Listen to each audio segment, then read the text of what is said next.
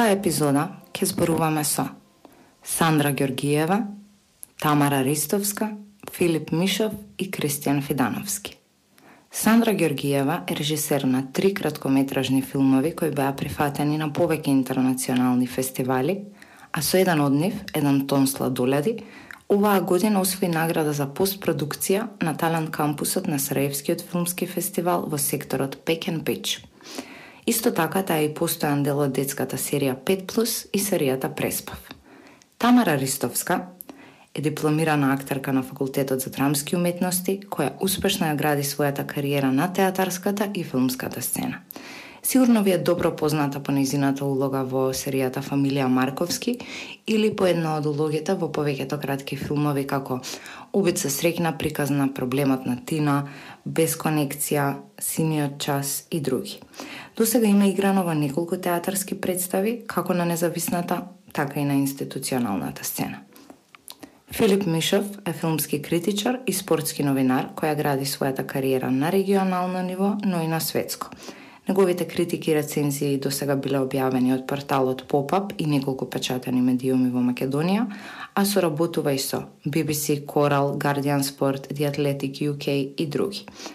Кристијан Фидановски е магистар по политички науки и источноевропски студии од Универзитетот Джорджтаун во Вашингтон. Уредник е на онлайн магазинот на англиски јазик Востокијан за политички и обштествени прашања на Балканот. Моментално, Кристијан е дел од докторската програма на катедрата за социјални политики на Оксфорд и во слободно време се занимава со пишување на филмска критика. А тоа што сите четворица можат да го додадат на своето CV оваа година е нивното учество во Талант кампусот на Сараевскиот филмски фестивал. Талент кампусот на Сараевскиот филмски фестивал е платформа за идните филмски професионалци од Југоисточна Европа и Јужен Кавказ, во која секоја година се одбираат од 55 до 65 кандидати за интензивна петдневна програма, која се состои од повеќе работилници за режисери, актери, сценаристи, продуценти, новинари и критичари. За сите нив ова е одлична можност да развијат нова мрежа на контакти и да стекнат нови знаења. Слушнете го нашиот разговор и открите повеќе.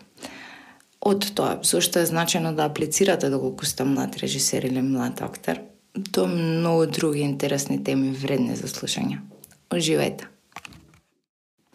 Да, значи нема потреба да. од цртање дека е да. пандемија, затоа е супер дека атмосфера поише него ли, пошто друг е проблемот, фокусот е друг. Одлично. Така да ми се свија. Јас сум возбуден. Кога оди у продавница купува чипс и враќа продавачот кусур, она го остава пошто богата не треба кусур. да, да, да, Чека. тоа телефонирањето, мислам. Почнуваме? Почнуваме. Здраво на сите кои што нас слушаат. Оваа вечер, тоест во оваа епизода сме заедно со Филип Мишов, Кристијан Федановски, Сандра Георгиева, Тамара Ристовска. Дали на некого му гутнав презимето? Не. Не. Добро, многу често ми се случува. И парк затоа што пола од нас се вакцинирани, пола не и ова е единствената можност каде можеме да се собереме и причината поради која оваа вечер се собравме е тоа што сите бевме дел од Талент кампусот во Сараево оваа година. И имавме многу убаво искуство. Секој има различни импресии и многу би сакале да ги споделиме со вас, бидејќи е многу добра шанса за сите млади уметници. И така, па првото прашање за сите вас ми е како дознавте за Талент Сараево? Филип Мишов не иде прв. Е, јас дознав за Талент програмата низ Европа дека се случува на некои од поголемите фестивали, меѓу кои се Берлинале, Сараево и останати и имав одреден период истражувајќи по интернет кои на кои фестивали би сакал да учествувам. И меѓу тие фестивали што ги одбрав беше и Сараево на кој оваа година првпат аплицирав, минатата година не сакав да аплицирам затоа што беше онлайн издание и бев примен оваа година. Оваа година исто така учествував и на уште еден Талент кампус што се случуваше во во Литванија и можам да кажам дека е одлично искуство од аспект на запознавање нови луѓе, искусување надвор од комфорната зона би рекол во овие времења и сите тие контакти кои остануваат за соработка понатаму. Зависи од полето во кое сте активни, колку може да научите зависи и од тоа до кој степен на едукација имате стигнато во однос на предходното знаење на на полето. На пример, јас сум филмски критичар кој веќе пишува 3 до 4 години и повеќе на овие талент кампуси се насочувам кон оставување контакти отколку кон реално знаење кое мислам дека сум доволно добар и го имам и сум на пат да го да го совршам би рекол. Дали ги создаде контактите кои што очекуваше да ги создадеш? А, до негде да и до негде не, зависи од фестивалот. Пример, иако беше онлайн фестивалот во Литванија, чувствувам дека и дека одлични контакти осев таму со луѓе широм планетата би рекол, додека на Сараево беа повеќе регионални контакти затоа што е повеќе осврнат кон Балканот и регионот, а Литванскиот фестивал беше повеќе осврнат кон целосна Источна Европа и кон Кавказот, горниот регион би рекол, но не и се двата фестивали се одлична шанса и би им препорачал на сите кои се двоумат и кои мислат дали да аплицираат, да веруваат во себе и да испратат апликации. Добро, на пример, мојата приказна беше поразлична. Јас аплицирав три пати поред. Третиот пат влегов. А дека бев таму, дознав дека има луѓе кои што аплицирале пет пати, па влегна на шестиот пат. А предходно имав чувство као морам да влезам од прва, зашто не влагам од прва. Ама, окей, не, мило ми од прва што си влегол, само ета ми да, да споделам дека има луѓе и кои што... Супер се луѓето како тебе, кои се кои се упорни и тоа е знак колку го сакаш тој. На пример, јас имам запознано доста луѓе од а, актерска игра во Македонија кои се обидувале еве на пример и на факултетот за драмски да да влезат и буквално им се восхитувам на тие луѓе што имаат таква мотивација и желба да го прават тоа што го сакаат и покрај тоа што биле одбивани поради X причини, фер и нефер причини, но на крајот од денот битна е целта. Супер. За луѓето како тебе. Да. А, добро, вие другите од прва влеговте сите, само јас сум од трет пат. Не, еве, јас ти кажам, оке. Јас аплицирав исто пред две години, еве, за да не бидеш ти единствената која што аплицирала три пати, ама ја влегов од втор пат, изви. Али нема врска во однос на ова како дознавме а, за Сараево, искрено за жал никој не ти кажува тука како дека постојат фестивали, дека треба да аплицираш на тие фестивали. Прво немаме никаква а, за жал а, а, медиумска, како се вика тоа? Медиумска покриеност, фала ти. Ја дознав преку колешка Сара Климовска, знаеме сите. Она аплицираше на факултет, не знам, втора, трета година, не е ни важно. И она беше таа која што константно ми збореше дека треба да додам, дека треба да додам, дека треба да додам, дека е многу важно, дека контакти ќе направам, дека е многу поразличен системот таму и све останато. Ама ние не знам зашто го имаме тоа а, дека ништо не чини овде, дека ако не те примат еднаш сигурно до тебе, напротив. А, можам само на кратко long story short за да кажете другите. Најскрено ги охрабрувам сите а, да аплицираат дали еднаш, дали два пати, дали три пати, не е ни важно. Мислам дека комплетно ќе им се смени а, а, цела перцепција и, и во однос на тоа а, ако се фриленсери, пошто јас сум веќе 4 години, и во однос на тоа дека стварно мислам дека ќе стекнат многу поголемо искуство. Ето. Сандра или Кристијан се следни. А, фала Тамара.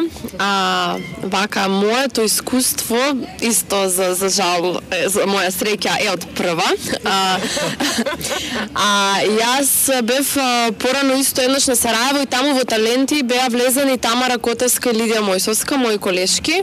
И јас од тогаш, од, од таму од нив знам дека постои тоа како таленти, ама само не исто така, не пошто слушнав, туку пошто, ете, видов таму постои тоа и си кажав дека некогаш ќе аплицирам, ама после исто како Тамара што кажа, понатаму со годините некако не знам ја губиш таа некоја волја, мотивација, мислиш дека уште не си до таму, уште не си good enough за да аплицираш до таму. А, но Еве сакам само некоја техничка работа да кажам. Мислам дека општо ние тука сите сме по некоја линија на помал отпор и мала како мрзоволност од наша страна на сета таа администрација и, и такви документи што треба да пополнуваме работи, ама чисто за една позитивна работа е дека откако ќе ќе го пополниш тој акаунт што ти го дава Сараево и Берлинале, понатаму тоа ти стои севнато, зачувано и ако веќе те, од- те одбијат првиот, вториот, третиот пат, четвртиот пат не мора ти се одново да пишуваш, туку веќе тоа постои, само си го надополнуваш.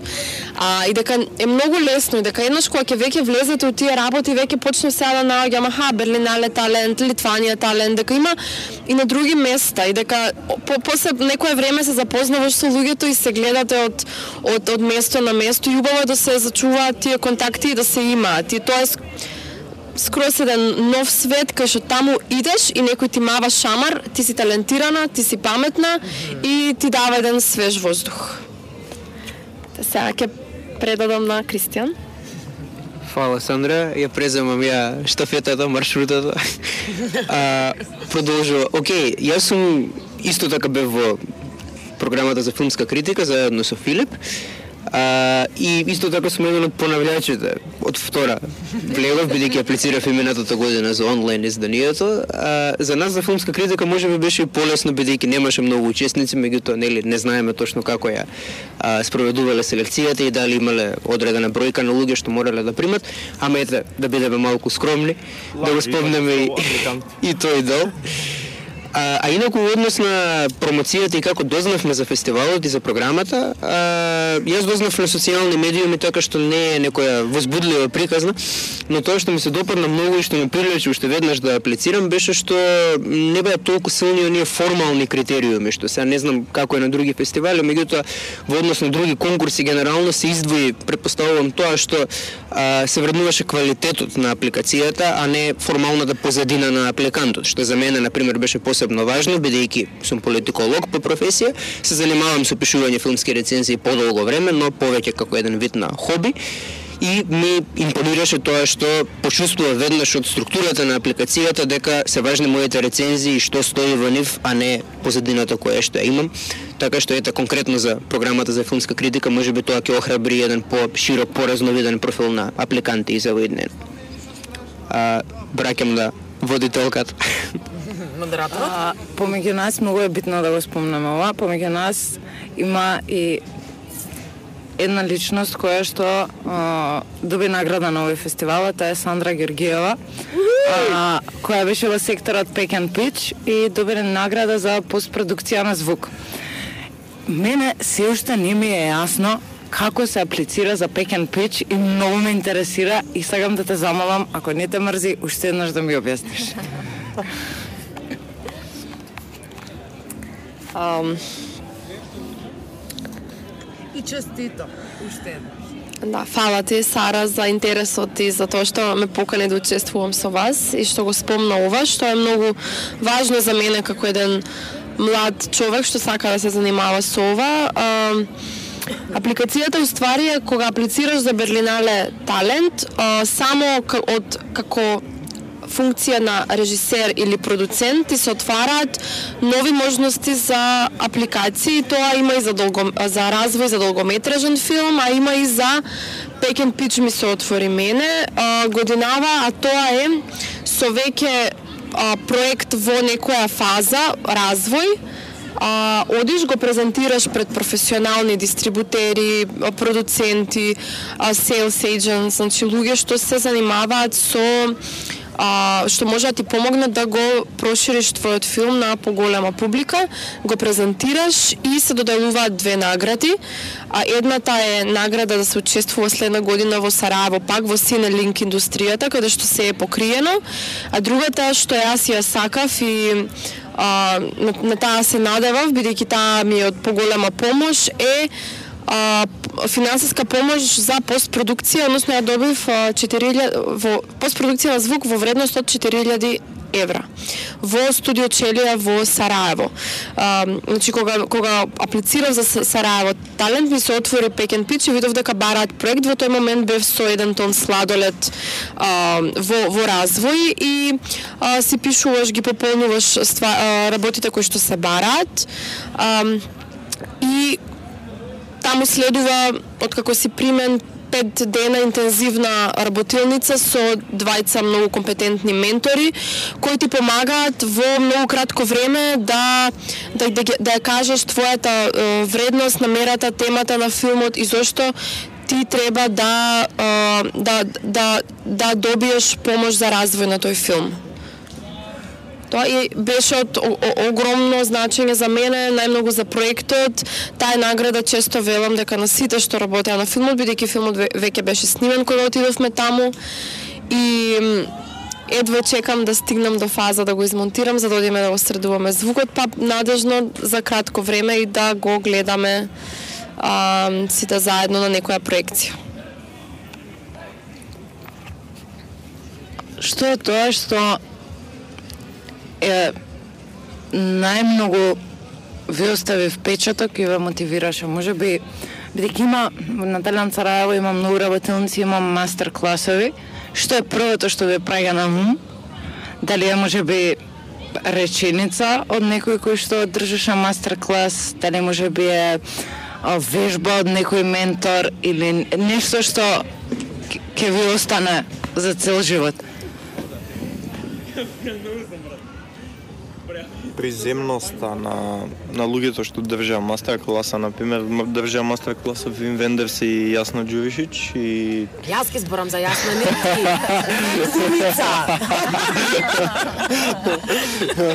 И кога кога они говорат и зборат, скроз чувствуваш дека се буквално на другарско ниво со тебе и приземни и без разлика на нивното име и репутација, они можат и да пренесат такво знаење, мотивација и имаат што да кажат едноставно луѓето. Не треба да, да, да цитираме нивни работи, доволно е нивните дела да ги погледнеме за тоа кои се они што се, а со секој нивни збор пренесуваат доволно знаење што нас ни останало подолго во меморијата. Пошто јас и Филип бевме на трапници на мастер класот на Јасна Ѓуричич, пошто многу ја сакаме. А, таа исто така зборуваше за тоа како е важно да не бидеме толку негативни цело време, бидејќи на крајот на криштата за еден медиум како што е филмот, па и театарот, со технолошкиот развој на човештвото секако дека работите имаат отидено на подобро. И таа во еден момент така малку театрално се сврта околу себе и почна да покажува на сите објекти на сцената, на осветлувањето, на сите помагала што ги имаат на располагање и рече чекате бе луѓе пред 30 години на овие простори да се прават вака представи за разонода и да се водат вакви разговори на фестивали било незамисливо. Така што чисто како еден поопшт животен вака совет за поголем оптимизам, мислам дека и тоа успеа да не го влее. Сакаш ти да ја прашаш? Сакам. Сакам хонорар затоа што сум пола модератор вечерва. Се шалам. А, во однос на сам, а, две прашања предходно за успехот на, на Сандра и а, дека доби 4000 евра подршка за саунд. А, Сандра, сакам да те прашам, Тамара постави прашање со кое се отвори темата за тоа колку се инволвирани медиумите во поглед на филмската индустрија. Дали воопшто има медиуми што ги следат успесите на филмаджиите, на уметниците? Прашањето беше инспирирано од фактот дека сите ние бевме дел од овогодинешниот талент кампус во Сараево, а тоа беше објавено само од еден новинар, на само еден портал додека пак сите други учесници од Бугарија, Романија, Грција, Србија, Црна Гора, секој од нив кога се врати од Талант кампусот сподели на социјалните медиуми повеќе различни интервјуа од различни медиуми. Не ни е целта да се пожалиме, туку целта ни е да најдеме решенија, зашто не станува збор само за нас и не станува збор само за филмската индустрија.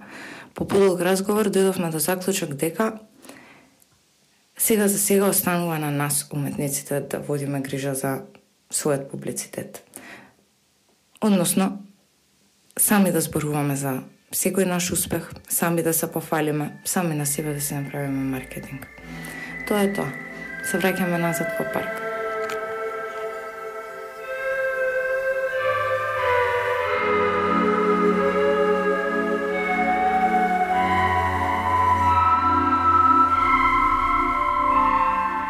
Проблем очигледно со, со, со, со системот и не е само за медиумите, за све.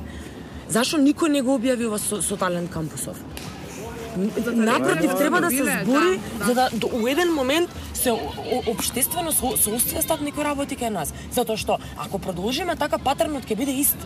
И ништо нема се смени од моментот на припитување. Тоа е мојот став, не мора Да, да, да, да, согласи да, со да. мене. Ја имам Само предлог што ми дојде вака. Ако сакате, кога што пишуваат отворени писма, можеме да направиме отворено писмо до медиумите. Пошто за општо за цел талент кампус, што не не бевме објавени. Да напишеме едно Може Прашање? Димков само не објави, да знаеш. Не, не, не, на само пример, Тони Димков. Ја, на пример, имав сега, мислам, уште се немам вратено и немам правно муабет со уредникот, али имам идеја, на пример, кога ќе се вратам сега, треба да се договорам со попап, ја планирам еден текст за нас да напишам дека бевме таму и све тоа. А мене од Ама-. Македонија Сања Јачевска ми пишува, мора константно мене ме следи и ми, и ми праќа ме прашува Абе, што како. нема врска, значи, кај нас е целиот концепт погрешен на тоа колку не се покриваат вакви работи, а не се пролазни работи, затоа што не е малце да се избран помеѓу Значи, не е ова у Европа. Не е И тоа ова е цел- успех. ова е успех. Како не е успех? Значи, успех е тоа што ние сме таму како да учесници, а не па оно што зема И награда. се Например- намалува вредноста на идење на талент кампус. Не е така. Ма да, да. Ама не, затоа, на пример, што викаш Сандар, ти си го објави сама. Јас тоа што учествувам си го објавив сам. Значи, ја многу повише верувам во тоа така да ја буткам работата, смисло јас за себе да си објавам Не, едноставно. ја се слагам со Тамара дека е битно да се реагира, али прашањето што треба да се го поставиме е Колку ефект ќе има? платформа имаме ние како луѓе за да, како поединци за тоа да, стигне до од народ. себе. Што Да, не бе, знам, да. може да имате, ја немам, јас сум релативно од себе, приватна баш, не знам. Еве малце како те влеземе во администрација. Што е потребно? Затоа што еве, некој ќе го слушне ова и ќе си рече, оке, а што треба да имам јас за да аплицирам? Дали ми е време да аплицирам? Што е потребно за да аплицираш во Talent Press? А, главниот критериум е да имаш напишано три филмски рецензии. Мислам дека можеше да бидат и театарски, нели? Не мораше филмски? Да. Филмски или театарски рецензии во предходната година беше званично правилото, но можам од личен пример да потврдам дека има малку толеранција околу тој услов. Меѓутоа, да, да бидат релативно свежи текстовите, а, и треба да се одговорат неколку прашања, така што веројатно надворот, сакам да кажам, искуствата што сме ги имале и постигнувањата, значи конкретно во апликацијата, барем за нашиот дел, имаше некои пошироки прашања околу темата, на пример, на фестивалот, кое што годинава се вртеше околу родовата еднаквост, така што потребно е, веројатно, предпоставувам дека и во следните изданија ќе биде нешто слично, значи потребно е да се има и некоја малку поширока општествена свест и веројатно и солидно познавање на англискиот јазик. А Джокер за Talent Прес беше моментот што ако ако вметнеш во апликацијата интервју кое си го правил во последната година со одредена личност, по кој они може да го препознаат твојот начин на интервјуирање, освен напишување, што се нели два различни поими и твоите методи на интервјуирање, така да тие што би аплицирале за ова би им било предност доколку имаат интервју во последната година која може да го приложат како доказ за разноликоста на нивната работа. А, Тамара, сакаш да кажеш за акторско студио? Да, може. А, оке, има апликација на официјалната страна на Сараево Филм Фестивал. Има четири ставки. А, првата ставка е мотивационото писмо. А, зависно од темата, бидејќи самиот фестивал секоја година има различна тема, оваа година беше Brave. А, втората ставка е, е биографија твоја. А, третата е sample of work, што значи тоа? Во таа ставка треба да ставиш 3 минутно видео од две различни сцени, а, кои што ги имаш снимано и да ги наброиш сите твои а, филмски остварувања и се разбира дека не треба да имаш не знам ти колку за да за да влезеш на на Сараево, многу е важно само да го го ставиш тоа 3 минутно видео, може да биде и две и пол, тоа го дознав од кога ги а, кога ги разгледав сите апликации на годинешниве таленти. И а, последното е milestones и во тоа генерално пишуваш кое е твоето најголем најголемо достигнување што го имаш направено до сега во однос на твојата кариера. Во принцип е piece of cake. Јас генерално се посветив 7 дена на тоа, али нека не ме вади од памет, онака буквално е а, kid stuff. Еве, ако имаш да додадеш ти нешто за апликацијата, вам се мека тоа е. За апликацијата ја не да од година во година. Е, да, тоа е, мислам дека битно да се кажува да го стаиш. Во случај да не те примат првиот, вториот, третиот зависно кој пат. А, а, многу е важно да не ти биде копи-пейст. Ако првата година не те примиле, втората а, да има нешто поразлично, тоа што и тоа знае да е проблем. И ако има можност да изберете помеѓу тоа дали да искажете став преку напишан текст или видео, снимете видео. Мислам дека е многу по Представувањето ствари се себе, така? да, Аха, окей. да.